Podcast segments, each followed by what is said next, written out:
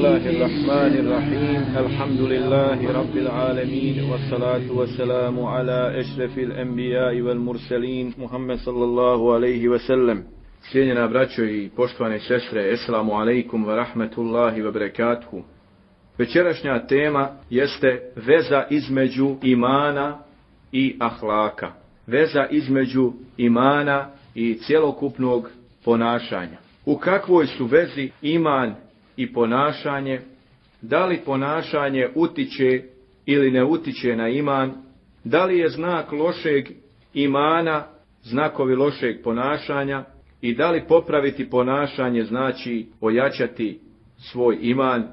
Otprilike na ova pitanja ćemo večeras odgovoriti i oko toga ćemo dosta reći. Molim Allaha Đelešanhu kao i uvijek da blagoslovi naše, naš ovaj skup i da nam plati isključivo na budućem svijetu, kad najbolje bude se plaćalo, kad bude plaćao gospodar svih svjetova, da nam ovu satnicu dobro plati. Što se tiče ove teme, ona je od najvažnijih tema za muslimana. Od najvažnijih tema. Kao što je ona prošla bila zanimljiva i važna i otvara oči mnogima, pogotovo onima koji tek spoznaju svoju vjeru, tako i ova je u stvari jedan nastavak one teme i ona još više otvara oči i još više pomaže insanu da kroči ovim plemenitim putem. Počet kuranskim ajetom i sure Muhammed u kome Allah Đelešanhu kaže Fa'alem ennehu la ilaha illa Allah li mu'minina wal Znaj da nema Boga osim Allaha i traži oprosta za svoje grijehe i za vjernike i za vjernike. Sura Muhammed 19. ajet. U ovom ajetu ima jedna velika, velika mudrost. I on, ovaj ajet je centar naše teme, srce oko koje se ova naša tema vrti i on nam je najveći argument večeras i on nam je nešto najbitnije večeras. A šta ovdje i otkrivamo i šta, šta učimo iz ovog velikog ajeta? Kad je Allah rekao znaj da nema Boga osim Allaha. To je naredba da se uči vjera. Znaj da nema Boga osim Allaha. Znaj, nauči, spoznaj, traži znanje o jedinoj ispravnoj vjeri. Ali to nije kraj. U istom ajetu došlo je još nešto drugo. Došlo je traži oprosta za svoje grijehe i za vjernike i vjernice. Jedno je iman, to je la ilaha illallah, to je početak ajeta. A šta je ovo traženje oprosta za sebe za vjernike i za vjence? To je ahlak, to je od lijepog ahlaka islama, to je jedan dio islamskog morala, to je jedan dio islamskog ponašanja, da čovjek traži oprost za svoje grijehe i je li samo za svoje. Wallahi nije. Nego i za grijehe vjernika i za vjernica. Gdje je to došlo? U velikom kuranskom ajetu. Dakle, to nije više hoćeš, nećeš. To je Allahov nasihat, to je Allahova oporuka, to je došlo u Kur'an. Dakle, vidimo kako je Allah u jednom ajetu povezao iman, la ilaha illallah, i drugo ahlak lijepi ahlak islama. A, koji, koji, koji je to ahlak? To je međusobno, međusobna ljubav, poštivanje i osjećaji koji vežu vjernike. A koji su osjećaj? Vjernici su jedni za druge srcem vezani. Toliko da jedni za druge mole Allaha Đelešanu da im oprosti grije. Jedni za druge. To je ahlak Islama. To je prva karakteristika islamskog morala, ono što krasi muslimana, a što nikad neće ukrasti druge mimo muslimana. Neće. Jer ovo islam jedino ima takvo učenje koje uči da toliko zbliži ljude da ne budu sebični pa čak ni traže oprost. Da traže oprost za drugi. Ako pogledamo Kur'an naći ćemo jednu zanimljivu činjenicu vezanu za ovo Recimo, ako gledamo kako Kur'an, kad Kur'an govori o prošlosti, o dalekoj prošlosti, pa kad spominje Nuha, ale i Selam, i kad Allah nam spominje jednu njegovu dovu, zanimljivu dovu, koju bi vjernici trebali da nauči, i nije slučajno što ta dova hiljade godina čuvana je kroz Kur'an. Zašto? Jer je velika. Allah je izabrao između drugih dova koju je izgovorio Nuh Selam, izabrao i ostavio je u Kur'anu, toliko je čuva i ostaće do, dokle, do kijameskog dana. Koja je to dova? Gospodaru moj, oprosti meni i roditeljima mojim i onome koji kao vjernik u moju kuću uđe i vjernicima i vjernicama, a nevjernicima samo propast povećaj. Sura Nuh. Ono o čemu govorimo. Dakle, to nije samo u Kur'anu. To nije, jer je, jer je to ahlak prvog muslimana. Adem a.s. Pa zatim Nuha, pa zatim Ibrahima. Ako vidite njegov, ahlak, vidjet ćete da i on također je srcem vezan za, za druge mumine i muminke i da dovu čini za njih. Dakle, Nuh moli za svakog onog mumina ko posjeti njegovu kuću to je zahvalnost u ljudskom smislu, to je veza, to je veza srca. To je veza srca. To je ono kad ti jednostavno živiš negdje i ima možda nekoliko vjernika u tom mjestu i sad naravno ti se nemaš priliku da svaki dan sa njima sjediš. I sretan si i zahvalan kad ti jednom neko dođe u kuću u mjesec dana, kad te neko posjeti. I i selam je bio pojedinac. Za 950 godina koliko ih je primilo vjeru? 82 čovjeka. 82 čovjeka. I naravno, on je prezahval, prezadovoljan i on cijeni kod svog brata Mumina koji, ga, koji mu dođe u zijaret i uči dobu za njega da mu Allah oprosti grije. To je veza srca. Zatim, jedan veliki ajet a u suri Hašr, deseti ajet, kada govori Allah Đelešanu onima koji dolaze nakon ashaba, kaže oni koji poslije njih dolaze govore Rabbena gfir lena wali lezine sebe kuna bil iman. Gospodaru oprosti nama, ali i onima koji su nas pretekli u imanu. Vidite kako nas Allah kroz Kur'an uči da ne budemo sebični. Ni u toj dovi. Skoro da nećete naći, ne možete naći dovu gdje, se, gdje je neko rekao, ili od poslanika, ili od dobri, da je rekao Allahu oprosti samo meni i da je tu bila tačka. Pokažite mi tu dovu. Teško ćete je pronaći. Da li mi, braćo, jedni drugi se sjećamo u dovama? Da li mi jedni za druge učimo? To pokazuje koliko smo vezani srcima, koliko se volimo, koliko smo braća, koliko smo vjernici. Jer je to veza ima, tu se ogleda veza imana i ahlaka. Koliko ovo ima, toliko imana ima. Koliko ovoga nema, toliko imana nema. Jer mi govorimo o vezi između imana i ahlaka. Ovaj dio ahlaka ako ima, to je dobar znak. Ima jedan hadis koji je jedan od najljepših hadisa koji postiće na dovu. A u njemu se kaže da je rekao Allahu poslanik alaih salatu wasalam, ko u danu prouči 27 puta dovu, Allahu oprosti meni i svim vjernicima i vjernicama, koja mu je nagrada? bit će od onih kojima se dova prima i od onih zbog koji Allah spušta na faku na zemlju.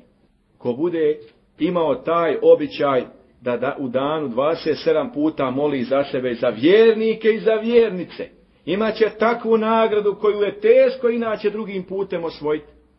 A to je da će mu se dova primati i da će Allah zbog takvi ljudi spuštati na faku na, na dunjavu. Onaj ko, onaj ko ima ovaj dio ponašanja, onaj ko ima dio ovoga hlaka, svjedoči da ima dobru vjeru. I ima jednu osobinu melejka. Ima melaiketsku osobinu. Braću, nije to mala stvar. Sjetit se svog brata mumina u dovi i muminki. To je osobina meleka. Osobina meleka. Jer Allah u Kur'anu kaže za meleke da oni govori Rabbena vesi'ate kulle še'in rahmeten wa ilma fagfir lillezine tabu tabu ve u sebileke vakihim azab el jahim. Meleki govore gospodaru koji svojom milošću sve obuhvataš. Oprosti onima koji se kaju i koji slijede tvoj put i sačuva ovaj i džehennemske vatre. Šta mi imamo s melekima? Šta mi imamo s melekima i što je to njima potrebno? Jer mi imamo ikakve sa njima vezi. Ali to je plemenita osobina. To je osobina najboljih stvorenja koje Allah stvorio, najčišćiji, ne griješe Allahu. Ali oni dove Allahu za nas, za one koji se pokaju, za one koji, koji slijede pravi put. I dalje se nastavlja u dovi, uvedi ih u džennet, sačuvaj ih kazne i tako dalje. Tu, suru, tu dovu možete naći u suri Mu'min, osmi ajet pa dalje. Dakle, okitio se osobinom bezgrešnih stvorenja meleka. A Allah je to spomenuo da nas nauči toj osobini. Zatim, da li je mala stvar to?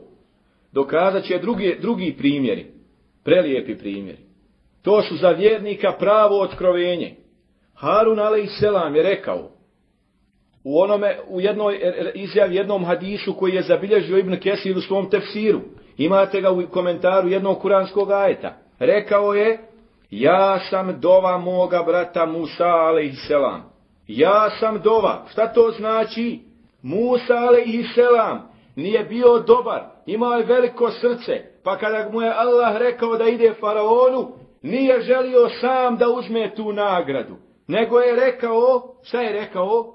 I podaj mi za pomoćnika moga brata Haruna iz porodice moje. Htio je da sa njim podijeli nagradu. I ova dova, još se ne zna, još je u gajbu da li će Harun ići sa njim i ima i biti vjerovjesnik. Još je to u gajbu za ljude. Ali Allah je ukabulio tu dovu i počastio Haruna.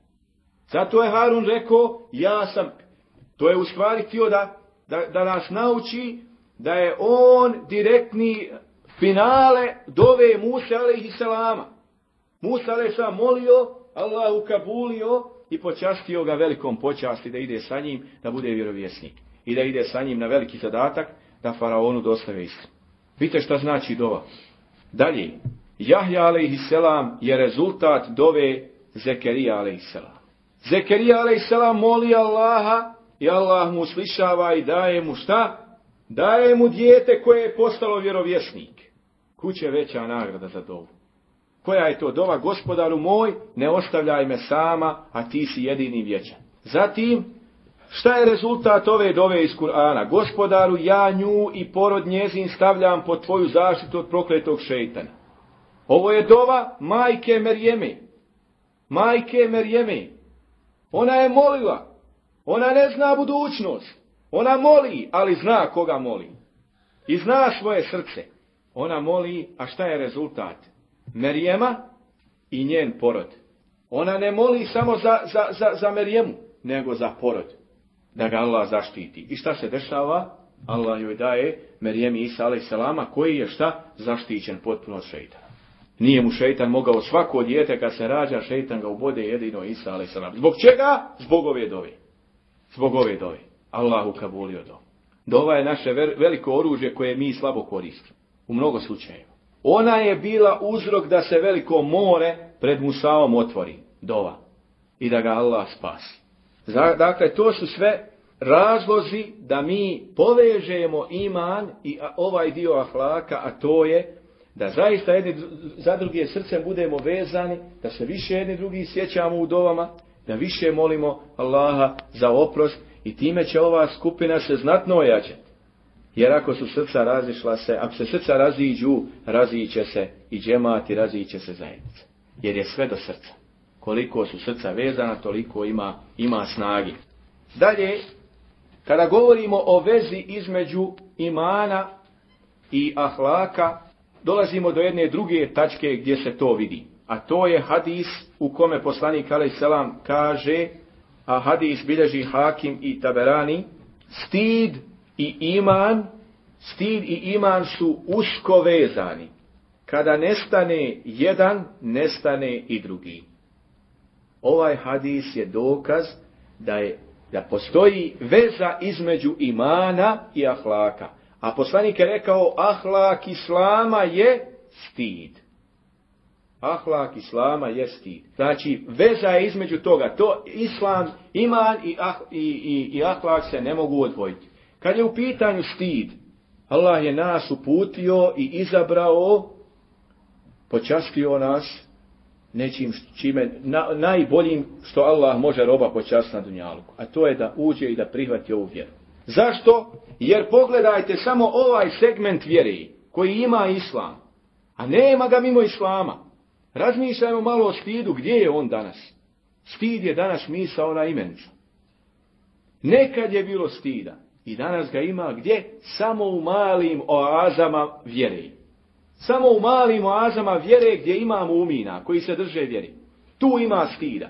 Je li već napustiš tu oazu, nema, nema više stida. Ali, nažalost, neka treba i vjernike upozoravati na tu stvar, jer Nasihat je, kao što kaže Allah poslanik islam, vjera je savjet. Zašto? Jer nekad i vjernika napada šeitan i on opadne u svome imanu i to se odrazi na njegov ahlak, pa primijetite da on gubi stid. Jer je to vezano. Ako opane iman, izgu, počne da gubi stid. A to je jako opasno. A pogledajte prve generacije. Kaže u predaji koji bilježi Buharija, ja sam se začudio nije, nije da sam se začudio, nego to je toliko čovjeka sad pogađa, valjda zato što je ovo vrijeme takvo, što je tog stida vrlo malo i onda kad nađeš takav jedan biser hadis, onda jednostavno moraš da se zaibretiš kad ti samo možeš danas da vidiš to, rijetko je to. I možeš da nabrojiš naprste u jednom mjestu koliko ima ljudi koji se istinski drže vjeri.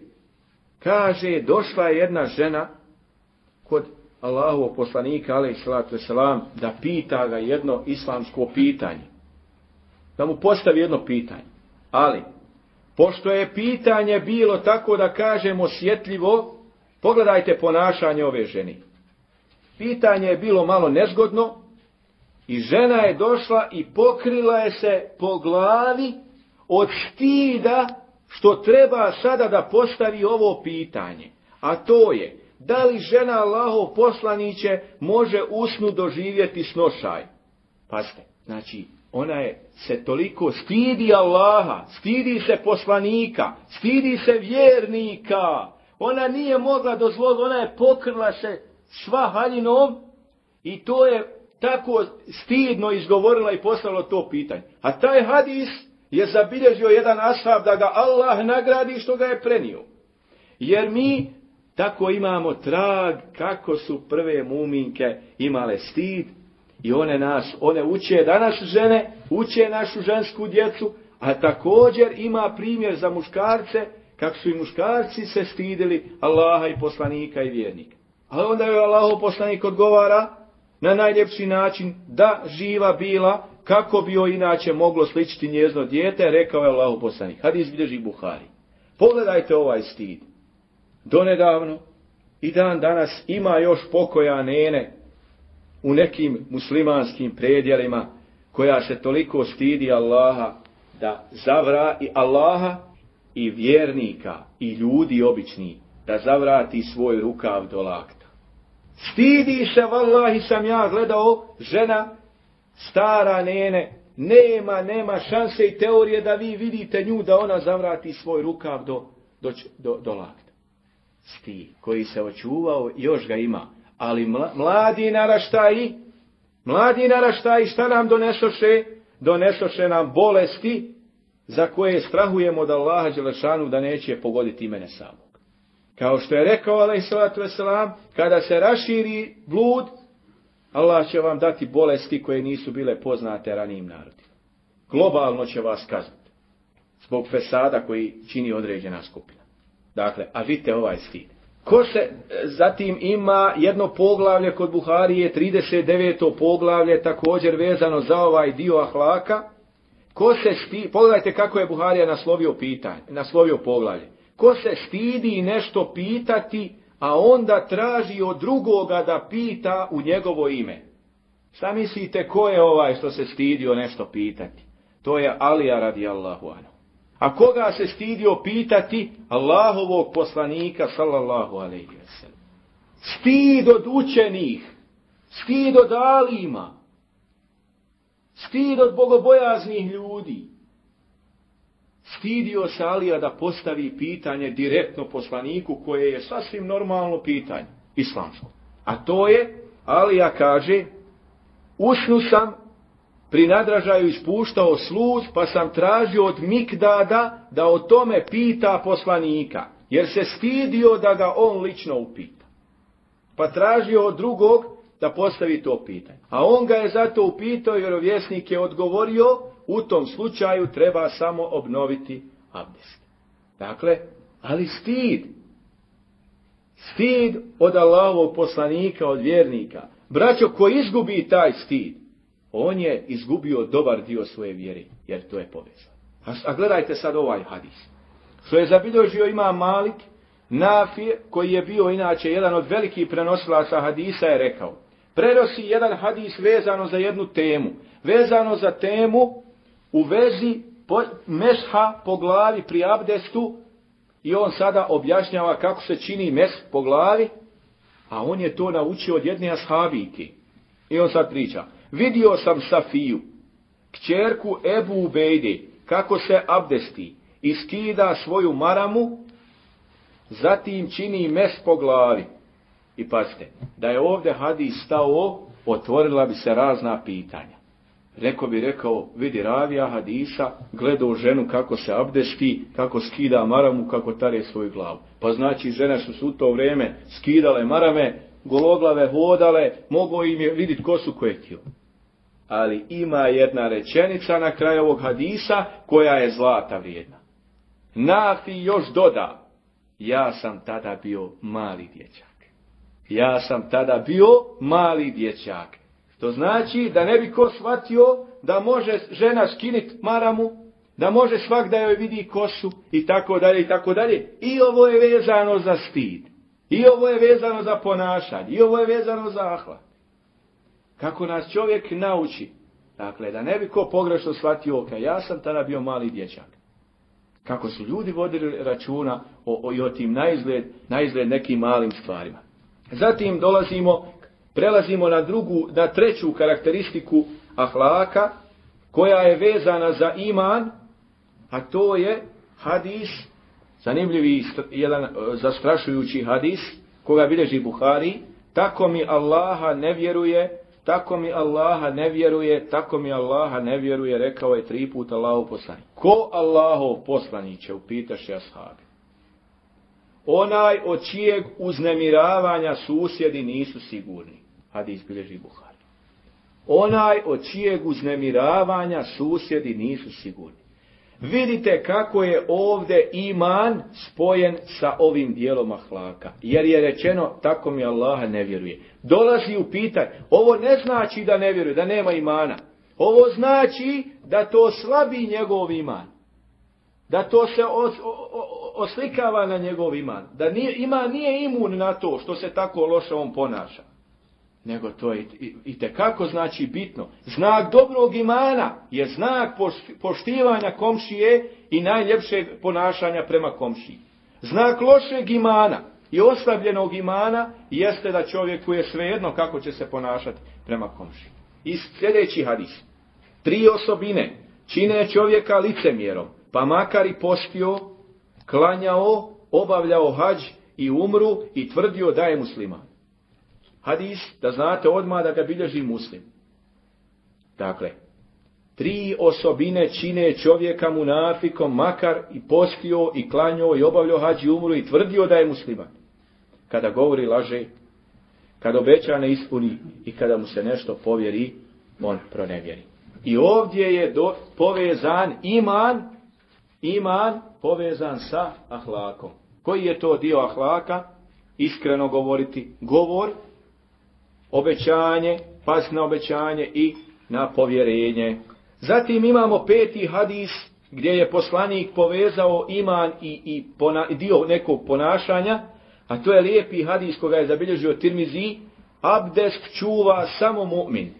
Abdest čuva samo mu'min.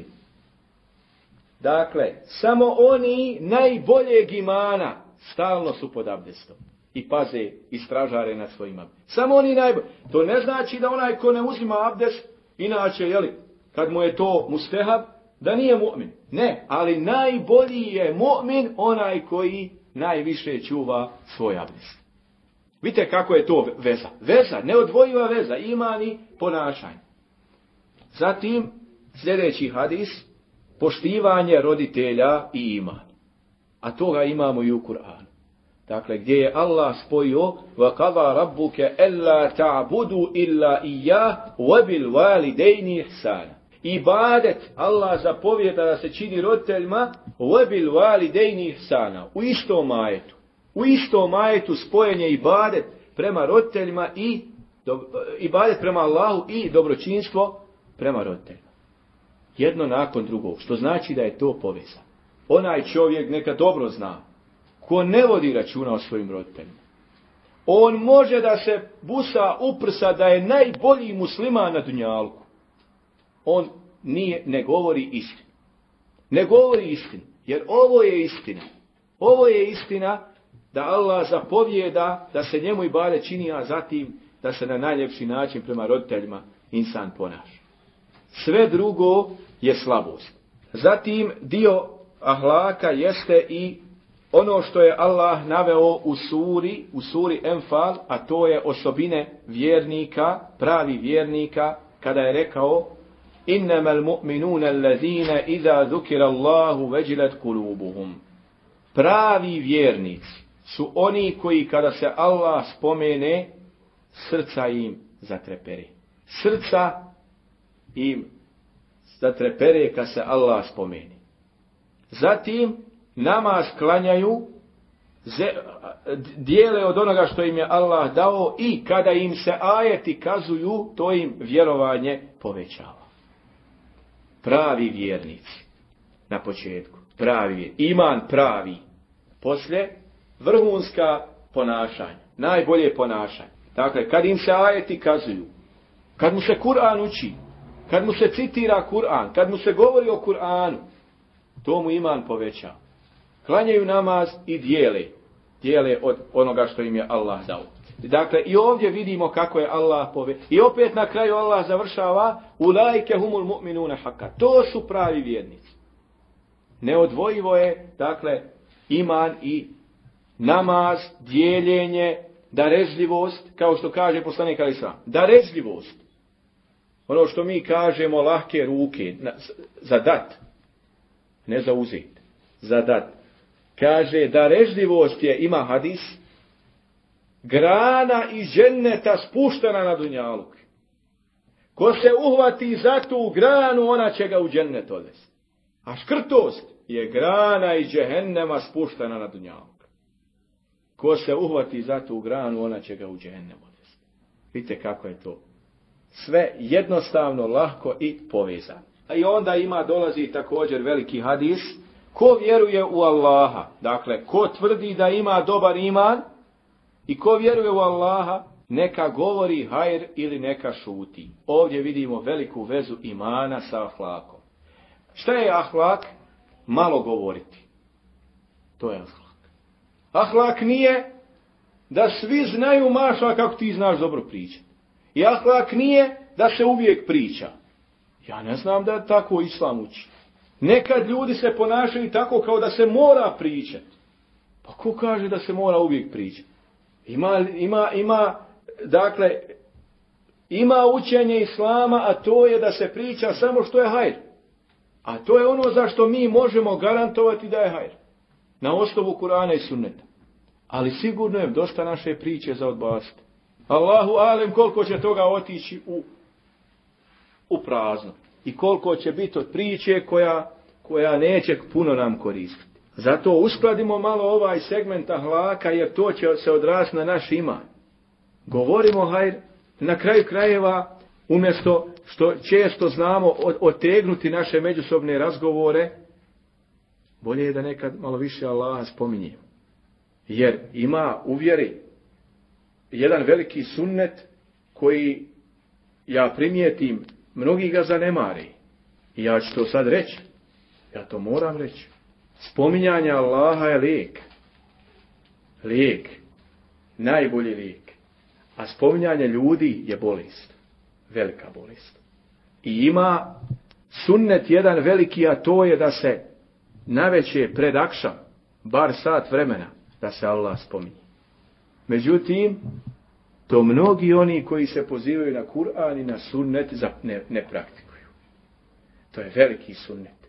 Veliki sunnet. Zikr, spominjati Allaha na pred zalazak sunca i ujutro poslije, prije nego što sunce iziđe, to je naj, tada je tada je najvrijednije djelo koje možeš da radiš jeste da spominješ Allaha najvrijednije djelo koje može da uradiš. Tada se sve ostavlja, sve priče, sva sjela, svi razgovori i spominje se Allah Đelešan. Jer moraš da nahraniš svoje srce. Moraš da nahraniš čovječe. Ja sam nemiran, tako mi Allaha, ako to nisam uradio. Uznemiren. I nisam nikako dobar ako nisam pred zalazak sunca ispunio ono što se od mene traži. A šta se od mene traži? Od mene se traži da Allaha mnogo spominje. فَسُبْحَانَ subhanallahi hine تُسْبِحُونَ ve hine tumsun. Pa spominjite Allaha kad osvanjivate i kad omrknjavate. To se od nas traži. To je često, često mnogo bolje nego, nego da upravo u to vrijeme imamo neke razgovore ili da, da sjedimo i tako dalje. Obratimo pažnju na ovaj sunnet i držimo se toga inšallah kao što se držimo i nekih drugih stvari. Zatim, ko vjeruje u Allaha, neka poštuje svoga komšiju i ko vjeruje u Allaha, neka počasti gosta. Neka počasti gosta. Dakle, i ovo je sve vezano za vjeru u Allaha. Ko vjeruje u Allaha, on će imati ovo troje. Ko nema ovo troje, on je dobro, dobro okrnio svoju vjeru u Allaha Đelešana. Jer je to vezano. Kad je u pitanju dokaz za ovo, navešćemo jedan veliki dokaz.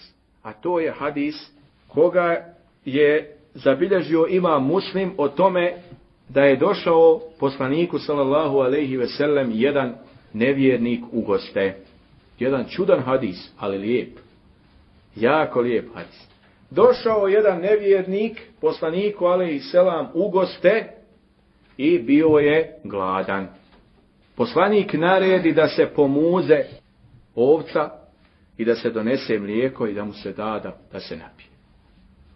On uze, popi mlijeko, kaže ja bi još. Poslanik naredi da se pomuze još i da mu se još donese mlijek. On popi i drugu posudu. Poslanik naredi dajte mu još. Salallahu alaihi I tako je sedam posuda mu dao da se dobro napije. A kako bi se mi ponašali? kad bi nam došao u goste. Mnogi bi rekli, haram je tebi i da dišeš ovdje u ovoj kući, a kao li da piješ i da jedeš. Ovo je sunnet. Ovo je za mene zakon. Ovo, jer je on moj prvak. On je moj primjer. I ko njega slijedi, nek se ne boji za rezultate. Jer rezultati stižu. A koji rezultati? Primanje islama. Ujutru taj kjafir primi islam primi islam kad je vidio plemenitost najplemenitije od ljudi. Kad je vidio plemenitost, dajte mu nek se najede Allahu ekber. Allah kaže za kafire, Inna je keferu jetemeta'une ve kulune kema en amu van naru mesele. Oni koji ne vjeruju, oni samo jedu, žderu kao što stoka žderi. Eto ti to, nažderi se, napise, najedi se. Nije to problem. Treba, problem je, treba to pokazati, treba ahlak pokazati. I kada je on najeo tako, onda je stupio u razgovor sa poslanikom, sallallahu alaihi sellem o islamu. Poslanik, alaihi selam, kada ga je Fido počastio, onda mu priča o islamu i ujutru taj čovjek primisla. I e, sada dolazi, on opet hoće da doručkuje. Dajte mu, kaže, opet nek se napije. I on popio onu jednu posudu. Kaže, ja bi još. Kaže, Allaho poslanik, ne može više, zaista kjafir pije sa sedam želudaca, a za za jednim allaho Allahu ekber. To je samo jedan lijepi primjer, lijepi primjer s kojim ćemo mi, inša Allah, kao najljepšim primjerom, kako i dolikuje, završiti ovo predavanje. Samo ćemo zaokružiti još i reći jedan rezime, a to je da Svako ponašanje, dobro ili loše, je u stvari ogledalo imana. Ogledalo imana.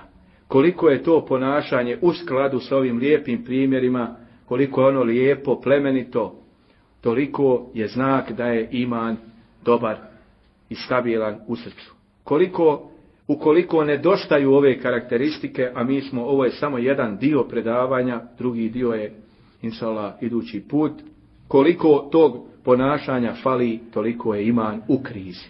Subhaneke Allahume bihamdik, ešhedu en la ilaha ila ente, Molim Allaha Đelešanuhu da nam za ovo vrijeme oprosti naših grijeha, da nas učvrsti i potpomogne u vjeri. Molim Allaha Đelešanuhu ponizno i skrušeno, kako njemu samo dolikuje. Molim ga, ako imam jedno dobro tijelo koje je kod njega primljeno, da sačuva ovo mjesto, da sačuva ovaj džemat, da sačuva ovu našu blagodat koju imamo, da se možemo i dalje sakupljati, družiti i jačati svoj iman. Amin. Amin.